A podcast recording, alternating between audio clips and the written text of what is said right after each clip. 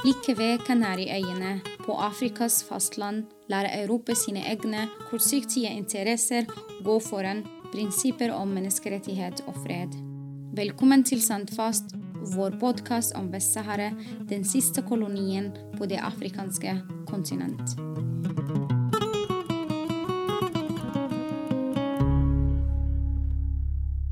I et hus i kystbyen Bujdur i Vest-Sahara har det i ett år utspilt seg et svært intenst drama. Huset eies av menneskerettighetsforkjemperen Sultana Khaye og hennes familie. Og rundt huset står det en festning av politibiler og politimenn som forhindrer folk å komme inn og ut. I et helt år har sultanens familie blitt utsatt for overgrep, vold og til og med voldtekt. Saken har etter hvert nådd både FN-systemet og internasjonale medier. I dag har jeg med meg Tone Sørfom Moa, som er med i et internasjonalt tema som forsvarer sultanen. Tone, uh, welcome. And we have been in conference for a long day, and especially you, and you have been leading workshop in human rights. So I, I really appreciate that you are having the time and your last drop of energy to do this interview. So it's exactly one, actually, in the middle of the night. I am extremely happy to be here. And welcome back again because we spoke with you before about human rights. But let's focus on this theme of this uh, episode and specifically uh, focus on the case of Sultana. But Tone, I know Sultana, you know Sultana, but I think most people don't. So, who is Sultana and what is her case? Well, who is uh, Sultana Khaya? She's, uh, first of all, a Sahrawi woman who's from uh, Bujdur. That's a city in, in occupied Western Sahara. She has been an activist, I think, the, her entire life. She started out as a student activist and then she went on to working on human rights issues, but also natural resources. And Sultana Khaya has been, um, you know, a prominent name in the international solidarity movement and in Sahrawi society for a very long time. Because as a student activist and as the, one of the leaders of the student movement, she was attacked during a student demonstration in 2007, which led her to lose one of her eyes. So, right now, she has one glass eye.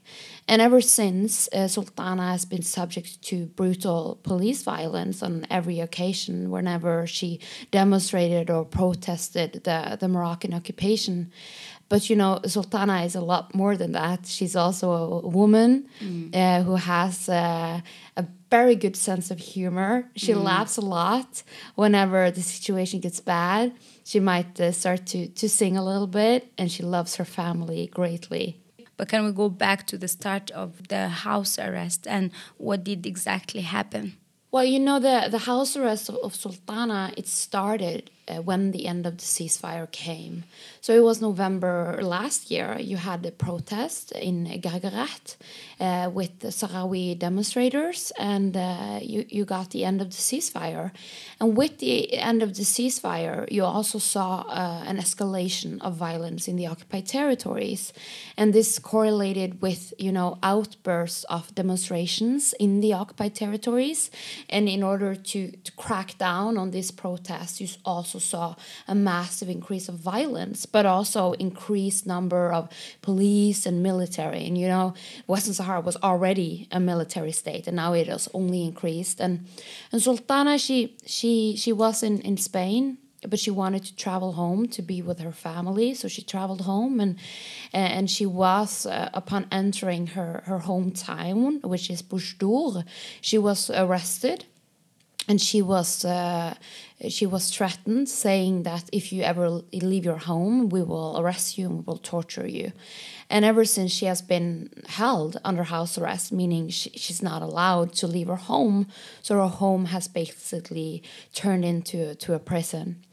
Uh, and I remember very well the the first days. We were very disturbed by how aggressive the police were being with mm. Sultana. You know, Sultana, she's she's a peaceful woman, mm. um, and the and the Moroccan police were very aggressive. What type of attacks or methods that the police used against her family? Well, at the the very first days, um, when Sultana was arriving home to her house, uh, the police they raided the home and they attacked the mother of Sultana, leaving the mother, who is 84 years old, in a in, in, a very worrying health condition. And she was not allowed to travel to the hospital. It was great suffering for the family.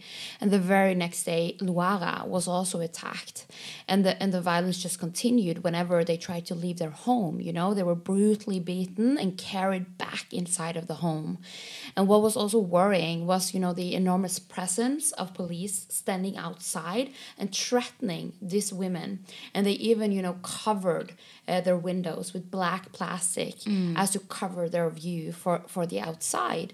So, so the terror was was overwhelming during this this first months of the house arrest, and ever since the violence have just grown worse. And I think if you have been following the case of Sultana, uh, you will remember the pictures from February when Sultana was hit in the face with a stone mm. by uh, the police officer who's actually instructing instructing this house arrest. His name is Hakim Amer, and he hit Sultana with with a stone in her face, uh, directed at her her functioning eye. Mm. So she was afraid that she was she would go totally blind at that point.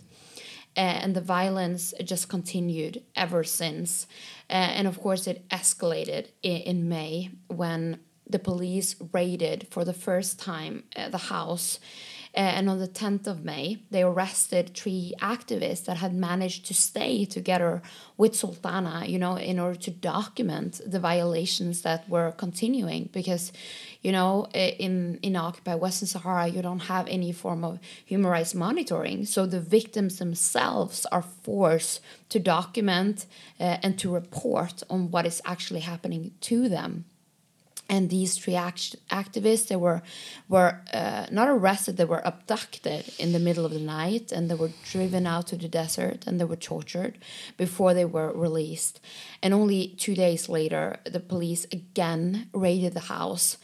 Uh, and on on this day um, the police brutally tortured and raped both of the sisters we will come back to the topic of rape or using rape as a weapon. But then, as you said, was this the raiding of the houses, terrorizing basically the whole family, and then there is this question of throwing chemical. Yes, that's correct. Because in in in mid February, the the police started throwing this kind of black liquid into the house, covering the house completely, uh, and it um, has a, a, horrifying smell, making it hard for the family to breathe, and it's mm. very hard to to clean off. And what's even more worrying is that we don't know what this liquid contains, meaning that um, when the sisters they actually got sick because of this liquid, and we have no way of testing it also going back to the fact that there's no human rights monitoring and there has been no one who has been allowed to actually visit the Khaya home since this house arrest started.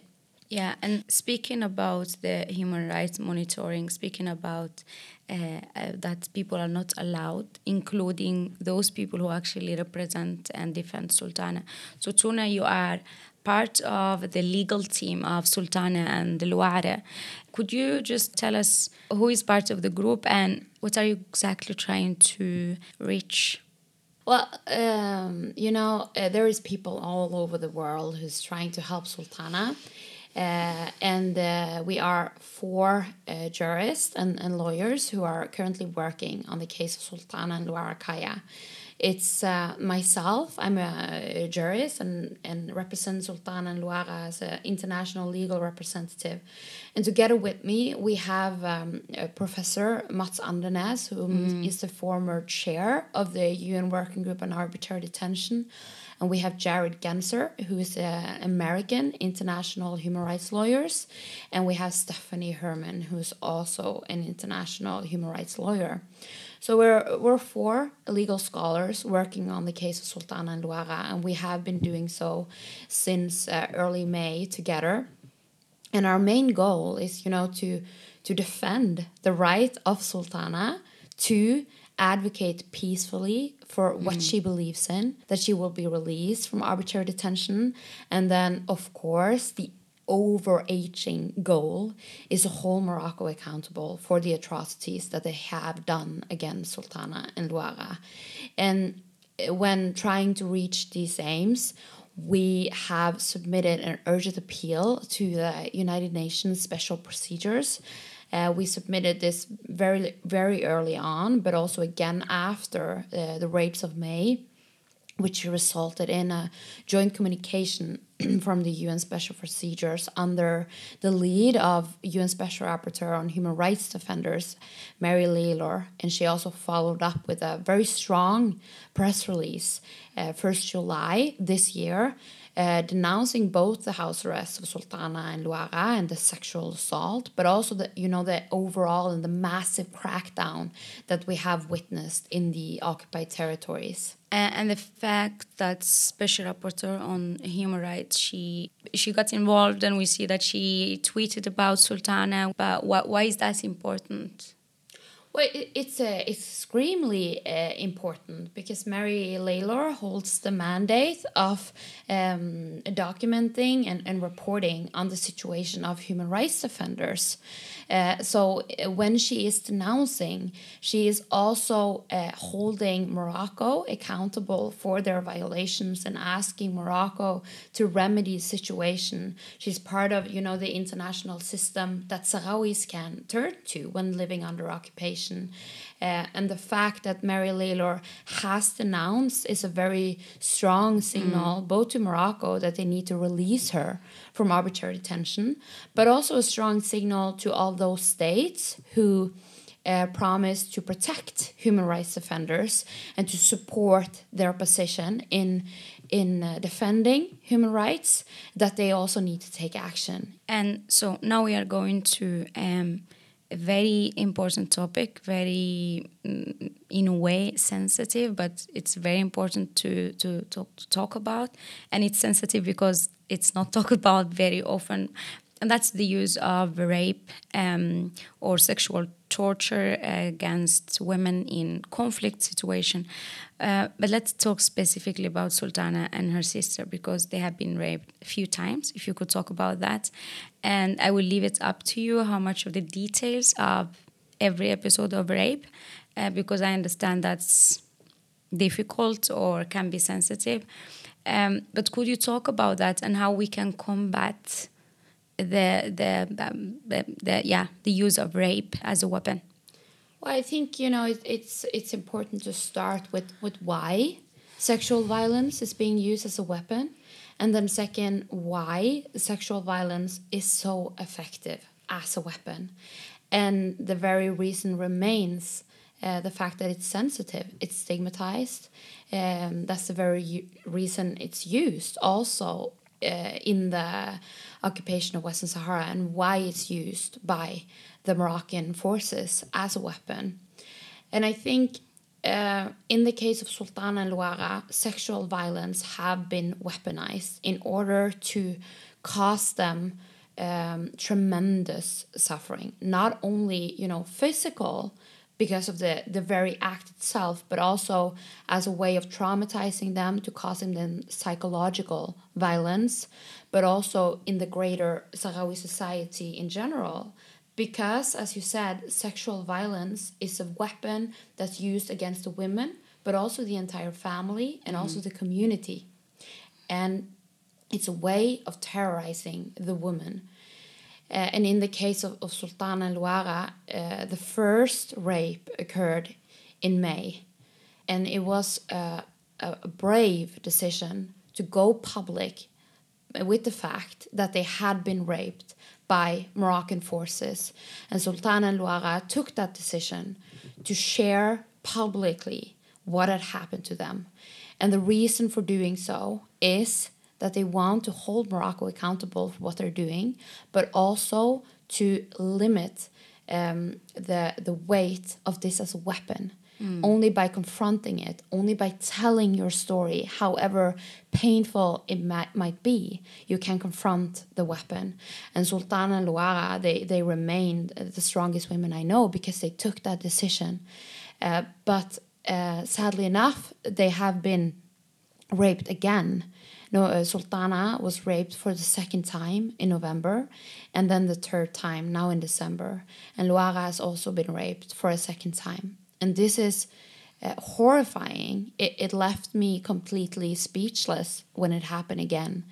Uh, and it left me um, uh, feeling uh, quite angry, but also determined to hold Morocco accountable and determined that we need to continue to denounce what exactly is happening. Hmm. Because in the very heart of it all, a lot of female human rights offenders who live in Western Sahara is on a systematic basis subject to this form of violence, meaning sexual violence in some shape or another.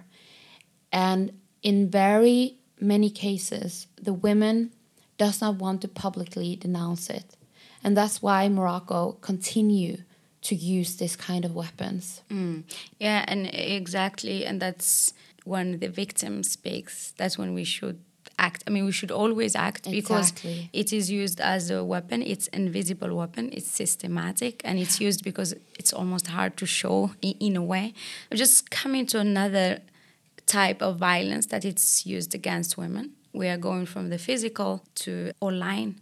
It's not only that they are raped or tortured or physically abused, but also maybe there is a, some defamation campaign against them. You, you know, uh, Sultana, she has been deprived of her freedom, her liberty in a year. And this is a, a grave enough violation in itself. But in the case of Sultana, she's also been subject to physical violence, psychological violence, and sexual violence. And one of the gravest things remains the slandering campaign. And I want to, to mention um, two examples, if I can. The first one was in, in February after Sultana had been hit in the eye with the stone and she was afraid that she would lose her eyesight. And she was also afraid for her mother and her sister because both Luara had been badly beaten by the police and her mother was in a very bad health condition. Uh, but at the same time, a video started to circulating online where Morocco had manipulated a video of Sultana standing in the window, saying that Sultana was beating herself in the face with the window in order to receive money from abroad. And this mm. caused Sultana additional suffering, and it forms part of the violence against her. And again in May, we saw the same kind of manipulation forming part of the slanders. And this was even worse because during this incident, it was after the rape, it was mm. after these two sisters had been violently raped by Moroccan police, and they had suffered a traumatic event. And later, during the next days, a video started circulating online after the police standing guard outside of the house had stolen the phone of Sultana. They had tapped into her private voice recordings, mm. including her voice recordings with her therapist, the most sensitive mm. conversations that you can have. And they started to spread this online. And they didn't spread everything, they just took bits of it and manipulated it into a story claiming that Sultana was lying about the rape. And this is horrific in the context uh, of the fact that Sultana had been raped. She was claiming that Morocco had to be held accountable, that Morocco had to investigate these actions. And what happened instead was that she was accused of lying and she was subject to a massive slander campaign. And this has grown even worse today, where the slandering campaign is now being instructed at the very highest level at the UN Security Council hmm. by the Moroccan representative Omar Hilale, who claims that Sultana Khaya, who hmm. is a peaceful human rights defender, who has always been so, is advocating violence and he is criminalizing her actions. And this is something that everybody who, who wants to protect the institution of human rights, which we all of us needs and nobody mm. should take for granted, needs to stand up against. Tone, your job and the, the legal team and the house arrest is, you know, still going on. So where the case is standing right now? Well, right now, uh, and following the raid of 5th December, which is the latest raid on the Khaya House, being the seventh raid this year, we had a meeting last week with uh, Mary Lawlor, the UN Special Rapporteur on Human Rights Offenders. It was a very good meeting. It brought both me and Mats Andenæs a lot of hope. Mm. Uh, and in addition, we have also submitted a petition to the UN Working Group on Arbitrary Detention, where we denounce that Sultana and Luara is arbitrarily being held under detention in their own home, meaning they're held under house arrest without any form of legal basis, without any form of charges being brought against them, and that thus the house arrest is completely arbitrary, and that the reason for the house arrest remains solely Sultana and Luara's support for the right to self determination and their human rights activism. Yeah, and I mean, we dedicate this episode, Maria, to all the women out there who are victim of sexual violence, either way in conflict zones or in uh, any place in the world. Tone, thank you very, very much for the amazing job that you are doing. I know you are doing it for free, pro bono, uh, you and your team, in addition to your daily work.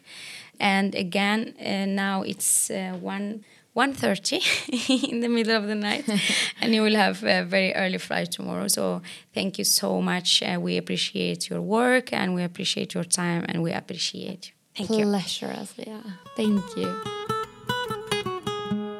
Hvis du vil lære mer om konflikten, gå til vest-sahara.no.